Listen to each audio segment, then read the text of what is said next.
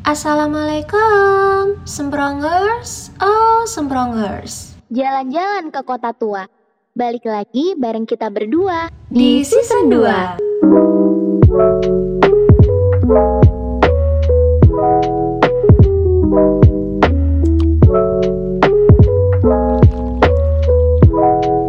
Halo Semprongers, balik lagi di hari Senin jam 5 sore bareng gue dan Dea. ya seperti biasa Yes. kita berdua bakalan nemenin di hari Senin jam 5 sore kalian. Nih kita Bener udah sampai di episode 13 aja nih, dia nggak kerasa kayak tiba-tiba udah 13 aja nih. Iya, dan kita udah di season 2 ya tentunya. Padahal kemarin tuh di episode 11 sama 12 kita ada lagi keda- kedatangan tamu ya Nan. Ya, tapi sekarang kita lagi berdua doang nih. Iya bener banget, kita lagi-lagi harus balik berdua. Tapi nggak apa-apa ya Semprongers, meskipun kita cuman berdua aja nggak ada guest star, tentunya kita nggak bakal kalah rame waktu sama guest star Dan tentunya podcast yang bakal kita sampaikan ke kalian, yang bakal, yang bakal kalian dengerin itu nggak kalah serunya ketika bareng sama guest star Yes, bener banget. Dan sebelumnya nih, kayak biasanya kita selalu lupa untuk menyapa semprongers ya Nan. Nah, betul Oke oke. Bahaya ya, lupa Bahaya mulu. nih. Oke. Uh, so, halo semprongers, gimana nih kabarnya? Semoga kalian baik-baik aja dan selalu sehat ya di mana pun kalian berada. Ya meskipun level ppkm udah semakin Amin. turun nih, tapi ya tetap ya gue reminder lagi nih ke kalian semua. Kalau jangan pernah lupain prokes kalian, bener gak Nan? Betul, betul banget tuh yang udah dibilang sama Dea. Kita nggak bakal lupa buat ngingetin sempronger supaya tetap di rumah aja selagi kalian nggak punya kepentingan yang urgent banget. Yes. Dan tetap lakuin 5M seperti biasa ya De, Mm-mm. mencuci tangan, memakai masker, terus ada menjaga jarak, Mm-mm. menjauhi kerumunan dan juga mengurangi mobilitas. Yes. Jadi daripada kalian cuman keluar nggak jelas malah nanti takutnya ngasih apa ya resiko Yes, tertular ke ah. orang-orang di rumah ya dek mending kalian duduk santai kalian rebahan siapin cemilan dan jangan lupa dengerin podcast sempro seperti biasa Ya, benar banget. Dan seperti biasa ya, episode kali ini kita bakal kasih surprise nih buat kalian. Kita bakal ngebahas waduh tentang keren banget Iya nih dong. Ngebahas tentang problem solving. Di mana nanti kita juga bakal ngulik nih. Sebenarnya kayak uh, apa sih problem solving itu ya? Kalau misalkan diartiin ini ya kayak ngatasin suatu masalah gitu. Jadi di sini kita bakal betul bahas tentang uh, gimana strateginya, terus tekniknya, terus gimana sih langkah-langkah buat ngadepin problem solving ini. Dan kita bakal kupas secara singkat dan tentunya semprongers bisa memahaminya dengan baik gitu. Menarik banget ya dia pembahasan kita di episode kali ini. Dan bener yang dibilang dia ya karena beberapa masalah yang kita hadapi itu sebenarnya bisa memberikan pengalaman serta pelajaran yang sangat berharga buat kita. Tergantung bagaimana kita menyikapi permasalahan tersebut dan tersele- terselesaikannya sebuah masalah itu pasti akan menimbulkan rasa tenang dan nyaman dalam diri kita. Jadi kalau kita punya masalah terus nggak terselesaikan itu emang kadang bisa bikin tekanan batin ya agak ngebatin gitu. Makanya di sini Iya. kenapa di episode 13 ini gue sama dia bakal ngasih gimana caranya supaya semprongers itu ketika ada masalah kalian gak sampai tekanan batin apalagi sampai stres. Itu bahaya banget sih bahaya banget. Karena kalau misalkan kita stres nih eh, kayak tanggungan kita kan banyak ya nggak cuma dari masalah kita Mm-mm. doang. Ada kayak kuliah kita terus ada organisasi ada kepanitiaan. Wah masih banyak lah masih banyak banget. Dan kalau kita nganggap masalah kita itu kayak beban terus kita stres ya nanti pasti bakal keganggu ya itu tadi. Kayak Iya, tugas-tugasnya gitu dan sebenarnya penyelesaian masalah ini relatif sih ya tergantung eh, pribadi setiap orang gitu. Ada orang tuh milih menyelesaikan masalahnya tuh kayak misalkan dengan cara lupakan terus ada juga yang eh, nyelesain dengan kepala dingin kayak misalkan ngobrol sama orang yang kita eh, ada masalah sama orang itu. Tapi pokoknya intinya gini sih kalau menurut gue jangan sampai lo semua tuh lari gitu dari masalah itu. Karena nah itu itu sih. kurang baik ya nan tentunya iya bener kalau lari dari suatu masalah itu menurut gue kayak kalian cuman menghindari aja dan itu nggak akan menyelesaikan Yes. jadi mending diselesaikan sekalian jadi kalian nggak bakal ada tanggungan kalau lari itu cuman sesaat sih bener gak Dik? bener bener bener banget kayak lari dari Oke, tanggung lo setuju ya gitu. berarti Uh-uh. sama omongan gue. Oke nih, sekarang nih ada nih deh beberapa strategi dan teknik dalam menyelesaikan sebuah masalah. Mm-mm. Nih yang pertama, lo mau tahu nggak? Yang pertama Pasti dong ya. apa nih? Kalau Miss Lo mau tahu kan? Oke. Gue bakal kasih tahu nih buat Dea dan juga buat semprongers yang lagi dengerin ini. Nih yang pertama, kita tuh bisa melakukan mendeskripsikan suatu masalah. Jadi kita harus deskripsiin masalah kita nih kayak gimana. Jadi kayak kata lainnya itu menjabarkan kayak gitu. Yes, nah dalam hal ini kita nggak bukan berarti kita tuh cuman melihat uh, pada masalah yang terlihat aja, tapi kita juga harus bisa menganalisis kunci atau inti masalah yang sebenarnya tuh apa sih sebenarnya gitu. Misalnya nih, misalnya ketika kita itu lagi menganalisis perubahan sikap pasangan ini sangat biasa terjadi ya. Kalau udah dalam hubungan percintaan. pasangan, Iya. pacar. Nah, itu bener bener bener bener bener. itu sih masalah yang bukan rahasia umum lagi nih misalnya ya deh kalau kita lagi Ah, ah. ngerasa pasangan kita nih kayaknya lagi berubah deh kok kemarin masih ketawa-ketawa kok tiba-tiba hari Hmm. ini udah jawabannya cuma iya iya aja. Nah itu kan kalian pasti bakal ngerasa ya itu udah otomatis ah. banget nih. Heeh, bener. Pasti otomatis overthinking dan langsung ngerasain. Nah di situ kalian tuh harus bisa ngelihat dari berbagai perspektif dan sumber yang Hmm. menjadi penyebab utama kenapa pasangan kalian itu bisa tiba-tiba berubah. Misalnya nih kemarin kan udah baik-baik aja, terus kok hari ini tiba-tiba murung. Nah kalian bisa gali tuh, oh sebelum kejadian ini gue ngapain ya? Nah, Apakah gue melontarkan kalimat-kalimat yang bisa menyakiti perasaan dia, atau Hmm. mungkin ada sesuatu lain, atau mungkin dia ada masalah sama Hmm. mungkin dia lagi ikut organisasi terus ada masalah sama organisasinya kan kita nggak tahu ya. Jadi kita harus bisa melihat masalah tersebut itu dari berbagai perspektif.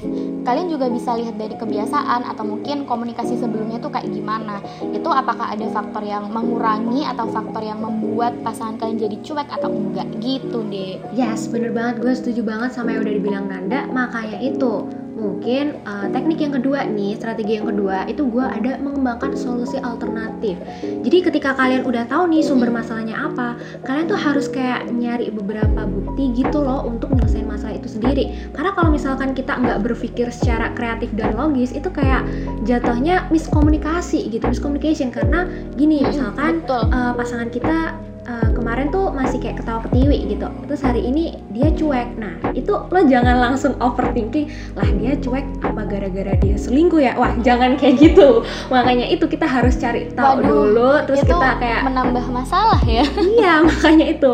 Makanya itu kita harus risetnya. Nah risetnya itu harus dengan uh, melihat dengan mata lo sendiri dan mendengar dengan telinga lo sendiri. Karena percuma ya kalau misalkan lo riset nih uh, terus lo dapet hoax gitu loh dari orang lain. Kayak orang lain tuh uh, misalkan dia ngasih tahu eh pacar lo selingkuh loh. Nah itu kan sebenarnya berita yang mentah-mentah nggak bisa kita terima mentah-mentah gitu loh.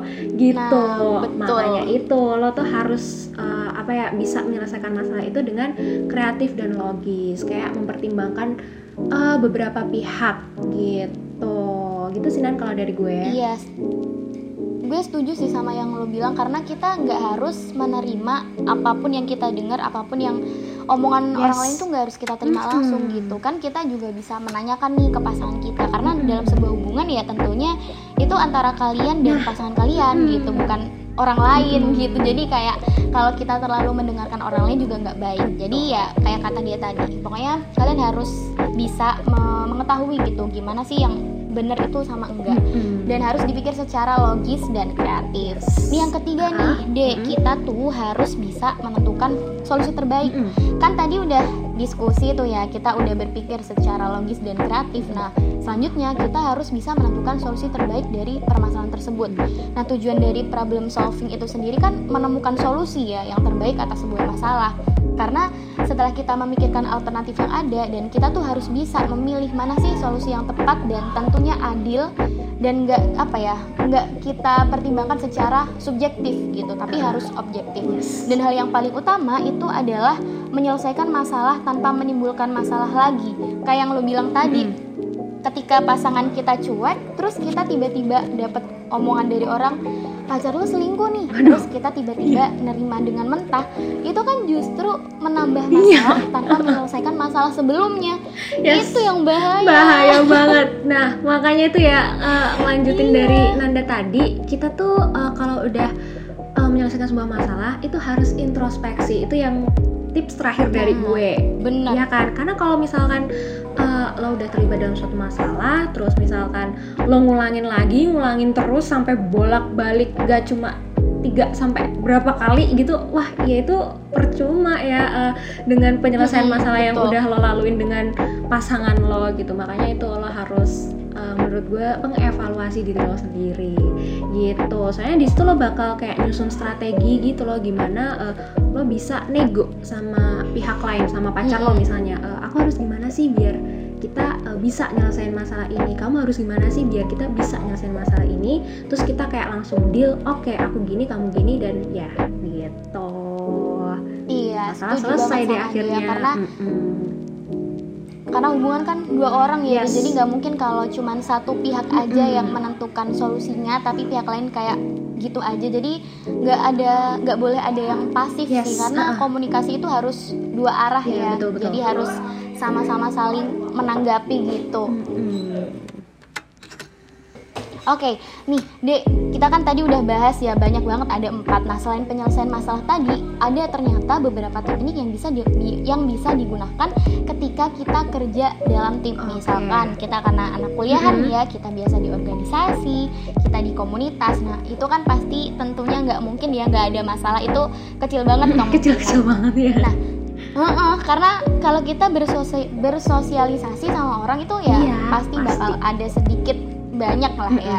Nah itu tekniknya tuh ada banyak deh, Mm-mm. ada tiga nih. Wah, yang pertama dia? ada linear thinking, design thinking, dan yang terakhir itu base thinking. Nah yang pertama kan linear Ah, thinking. ah. Nah itu adalah pada dasarnya tuh dia yang paling basic gitu, kayak sederhana banget karena kita cuman menekankan pada pertanyaan kenapa dan kita bisa segera mengambil keputusan yang tepat setelah kita tahu apa sih masalah dari itu. Jadi gunanya kenapa itu kan kita menelaah ya, kita menganalisis sebenarnya masalah di tim gue itu terjadi karena apa. Nah, ketika kita udah tahu jawabannya, terus kita bisa segera mengambil keputusan, kita bisa segera memikirkan kayak yang lu bilang tadi, dipikir secara kreatif ya. Kita bisa ya, langsung mikir, jadi kita bisa langsung nemuin apa sebenarnya penyebab dari masalah tersebut gitu. Yes, bener banget. Karena kalau biasanya kerja dalam tim kan ya kepalanya nggak cuma satu ya, ada dua, tiga, empat, lima Betul. sampai ya pokoknya sampai ratusan pun juga bahkan ada ya Nan. Gitu. Nah, Makanya bener. kayak nyatuin visi misi dari satu orang per kepala dari kepala yang lain itu susah banget. Makanya itu sering banget ya eh, Iya. terjadi miskomunikasi, terjadi eh, masalah gitu. Nah mungkin eh, kalau dari gue ya tips yang kedua itu ada design thinking. Nah ini tuh biasanya dilakukan kalau misalkan eh, pihak yang bersangkutan itu punya hubungan yang dekat gitu. Biasanya itu eh, design thinking tuh kayak apa ya? Masalah melalui komunikasi atau ngobrol intim gitu. Mm-mm. Nah, biasanya kalau kita udah ngobrol nih, ngobrol tuh bukan ngobrol di chat ya. Karena kalau ngobrol di chat Mm-mm. itu kayak susah nggak sih? Nah, Beresiko iya, ya? beresiko karena Bener. apa yang kita sampaikan dengan apa yang ditangkap sama orang lain itu nggak pasti sama. Itu nggak selalu sama iya. gitu. Makanya itu eh, ketika Benar, lo setuju. punya masalah itu mending kalau menurut gue tuh komunikasi dengan baik itu mel- melalui misalkan telepon atau video call Mm-mm. atau lewat zoom ya terserah Nah, pokoknya eh, sel- benar. apa ya melalui apa ya mulut ke mulut nah gitu Yang bisa didengar lah, iya. Mm-mm, oh. benar Soalnya emang sih kata lo di karena kalau kita dari chat itu kadang suka miskomunikasi. Kenapa? Karena kadang kita tuh mau nyampein A, terus kita itu ngomongnya dengan intonasi yang biasa Yes. aja gitu ya. Tapi karena mungkin lawan bicara kita ini lagi kebawa emosi gitu. Jadi kayak dia bacanya ya agak-agak panas gitu, agak-agak emosi dan berakhir pada yaitu pertengkaran, nggak akan selesai masalahnya. Jadi Yes. benar kata dia kalau emang ada masalah selagi mungkin nggak bisa ketemu secara langsung ya Mm-mm. masih ada kok telepon, Nah. masih ada kok video call yang bisa Mm-mm. digunain supaya menghindari yang namanya miskomunikasi dan justru menimbulkan masalah padahal masalah sebelumnya belum selesai gitu. yes betul sekali Oke, nih Mm-mm. Udah sampai yang terakhir nih dia yang terakhir tadi ada best thinking. Nah, ini itu adalah pemecahan masalah yang difokuskan ke tujuan sebenarnya dari apa sih yang pengen kita capai. Jadi kayak kita tuh menyelesaikan masalah ini sebenarnya tujuannya buat apa? Dan biasanya sebagian orang itu uh, suka memecahkan masalah dengan fokus pada apa yang mereka harapkan berhasil. Misalkan kayak tadi di tim misalkan timnya ada yang berantem hmm. atau gimana kan abis tanya kenapa terus abis komunikasi. Nah tujuan yang ingin dicapai itu sebenarnya apa? Ya tujuannya supaya nanti di timnya itu nggak ada lagi nih yang namanya berantem berantem yes. terus kerjasamanya bisa terjalin dengan lancar seperti biasa. Gitu deh oke. Nah tadi kan udah dijelasin ya gimana cara kita uh, ngatasin problem solving dalam dua pihak sama dalam kerja secara tim. Nah, kayaknya semprongers nih pada kepo ya kayak gimana sih cara ningkatin kemampuan kita dalam problem solving gitu. Karena nah ini sebenarnya sepele ya nan, uh -uh. tapi ini krusial banget gitu loh dalam kehidupan orang-orang. Nah, iya. Karena kalau misalkan orang-orang ini nggak paham gitu gimana caranya problem solving, ya dia bisa nganggap masalah itu tadi tuh kayak stres gitu loh beban gitu. Akhirnya dia bisa stres. Mm-hmm, gitu. Nah oke okay, kalau tips dari gue nih yang pertama kalian bisa ngubah pola pikir kalian itu dengan menjadikan suatu masalah tadi itu tantangan bukan suatu beban gitu. Kayak wow. gue ulangin lagi ya kalau misalkan uh, gimana kalian tuh nganggap masalah itu sebagai beban ya pasti lo stres gitu. Karena kalau misalkan oh, oh. stres pasti berantakan juga hidup lo. Maksudnya uh, ke yang lain tuh berantakan oh, juga iya. gitu. Makanya uh, usahain lah hindarin uh, untuk menjadikan suatu masalah itu sebagai beban gitu. Tapi anggaplah sebuah masalah itu tadi itu sebagai sebuah tantangan gitu. Karena kan kalau ngikut ke lagu ya badai itu pasti berlalu. Jadi ya udah kayak nah, masalah tuh pasti berlalu iya, kok. Nggak mungkin stuck di situ-situ aja gitu. Iya kan di kita kan sering gak sih deh kayak baca quotes kalau misalnya bisa ada hujan tuh pasti ada pelangi atau kayak yang lo tadi bilang badai pasti berlalu. Jadi itu sebenarnya ya menyemangati yes. gitu buat kita. Kita yang lagi punya masalah jangan stuck di masalah itu. Tapi kalian juga harus bisa uh, mencari gimana solusinya dan jangan menjadikan itu justru sebagai beban. Karena kalau kita menjadikan itu beban ya akan stuck di situ. Kita nggak akan mau jalan buat cari solusi dan ya berakhir dengan bisa jadi stres gitu. Nih yang kedua nih dia mm-hmm. gue ngelanjutin dari yang lo bilang. Mm-hmm. Kita tuh harus menyeimbangkan dengan memperbanyak pengetahuan dan pengalaman mm-hmm. karena tadi gue udah bilang ya hmm. kalau permasalahan yang kita hadapi itu sebenarnya bisa memberikan kita pelajaran dan pengalaman yang berharga. Jadi kita harus bisa menyeimbangkan antara kedua itu. Hmm. Kita harus bisa melihat mana yang pengalaman, terus bisa melihat mana yang pelajaran dan itu kita harus uh, apa ya mengkombinasikan keduanya karena kita hidup kan gak mungkin gak punya masalah nah, ya kalau kita yes. Mungkin keseringan punya masalah berarti kan secara nggak langsung kita punya banyak pengalaman dan pelajaran. Jadi ketika kita akan melangkahkan kaki ke depannya kita misalkan akan dihadapkan oleh masalah selanjutnya, kita udah tahu karena sebelumnya kita sudah menghadapi itu bahkan bisa jadi lebih berat dari masalah itu. Jadi ya itu tadi sih kalau kita bisa menyeimbangkan gue rasa ketika selanjutnya ada masalah lo nggak bakal terlalu bingung, lo nggak bakal terlalu stres banget Yes, gitu. bener banget karena roda itu berputar ya Nan. Jadi nggak mungkin lo stuck di nah, atas nah, aja nggak ada masalah. Iya. Itu sangat tidak mungkin. Itu nggak mungkin banget. Uh, gitu. Oke, nggak cuma itu ya Nan. Ternyata uh, ada yang lain Apalagi nih tipsnya. nih, Dek. Kayak misalkan latihan nyelesain masalah. Nah, itu ternyata juga bisa jadi uh, suatu perkembangan yang bisa kita lakukan gitu. Jadi kalau misalkan kita ada tanggung jawab nih, itu kayak lo harus ambil dan lo harus selesaikan karena ya lo yang ngemulai lo juga yang harus nyelesain gitu. Kalau misalkan uh, masalahnya ada di temen lo misalkan lo kerja secara tim nih terus uh, temen lo ada yang punya masalah gitu. Nah karena kalian kerja secara tim berarti uh, masalah dari temen lo itu juga masalah lo juga. Nah di sini tuh lo sebisa mungkin ngebantu untuk nyelesain hmm, masalah dari temen lo itu tadi gitu. Karena kalau udah kerja secara tim itu kan kayak apa yang dirasain oleh satu orang itu ya lo ngerasain juga gitu sih menurut gua. Iya benar-benar. Mm -mm, gitu. Karena kalau satu sakit ya yang lain juga semuanya sakit. ikut sakit yes. karena kayak nah, tim itu kan kayak badan gitu ya jadi kalau kepalanya sakit nanti juga matanya nangis sakit jadi ya benar kata dia benar benar benar benar benar terus nih mm-hmm. dia ada lagi nih Apa cara otodidak yang bisa kita lakuin mm-hmm. kita bisa melihat misalkan teman deket kita lagi punya masalah terus kita bisa lihat gimana sih cara oh. dia untuk menyelesaikan masalah itu nih kalau kata dosen gue nih dalam hal PKM itu ada namanya ATM amati, tiru, terus modifikasi. Jadi kita Wih. harus bisa mengamati masalah itu gitu. Mm-mm. Misalkan orang lain menghadapi masalah itu tuh kayak gimana ya, terus kita bisa meniru itu atau mungkin kita juga bisa memodifikasi. Misalkan kita rasa oh kayaknya dia agak belum maksimal ya dalam menyelesaikan masalah itu. Nah, kita bisa lakukan modifikasi dengan menurut kita sendiri gitu yang cocok sama masalah yang lagi kita hadapi gitu. Jadi kalau kita bisa melakukan itu ya semoga ya kita bisa menjadi pribadi yang bisa kuat dan Yes. kalau ada masalah tuh kita nggak yang gimana banget Mm-mm. gitu karena semuanya balik lagi belajar dari pengalaman gitu. Betul banget. Wih, menarik ya pembicaraan kita hari ini. Eh, kali Iya, ini. ya ampun, ini bener-bener relate banget ya, apalagi aduh anak-anak zaman sekarang, apalagi kalau bahasannya percintaan, aduh. Terus Hmm, tim, banyak ikut organisasi, komunitas. Yes.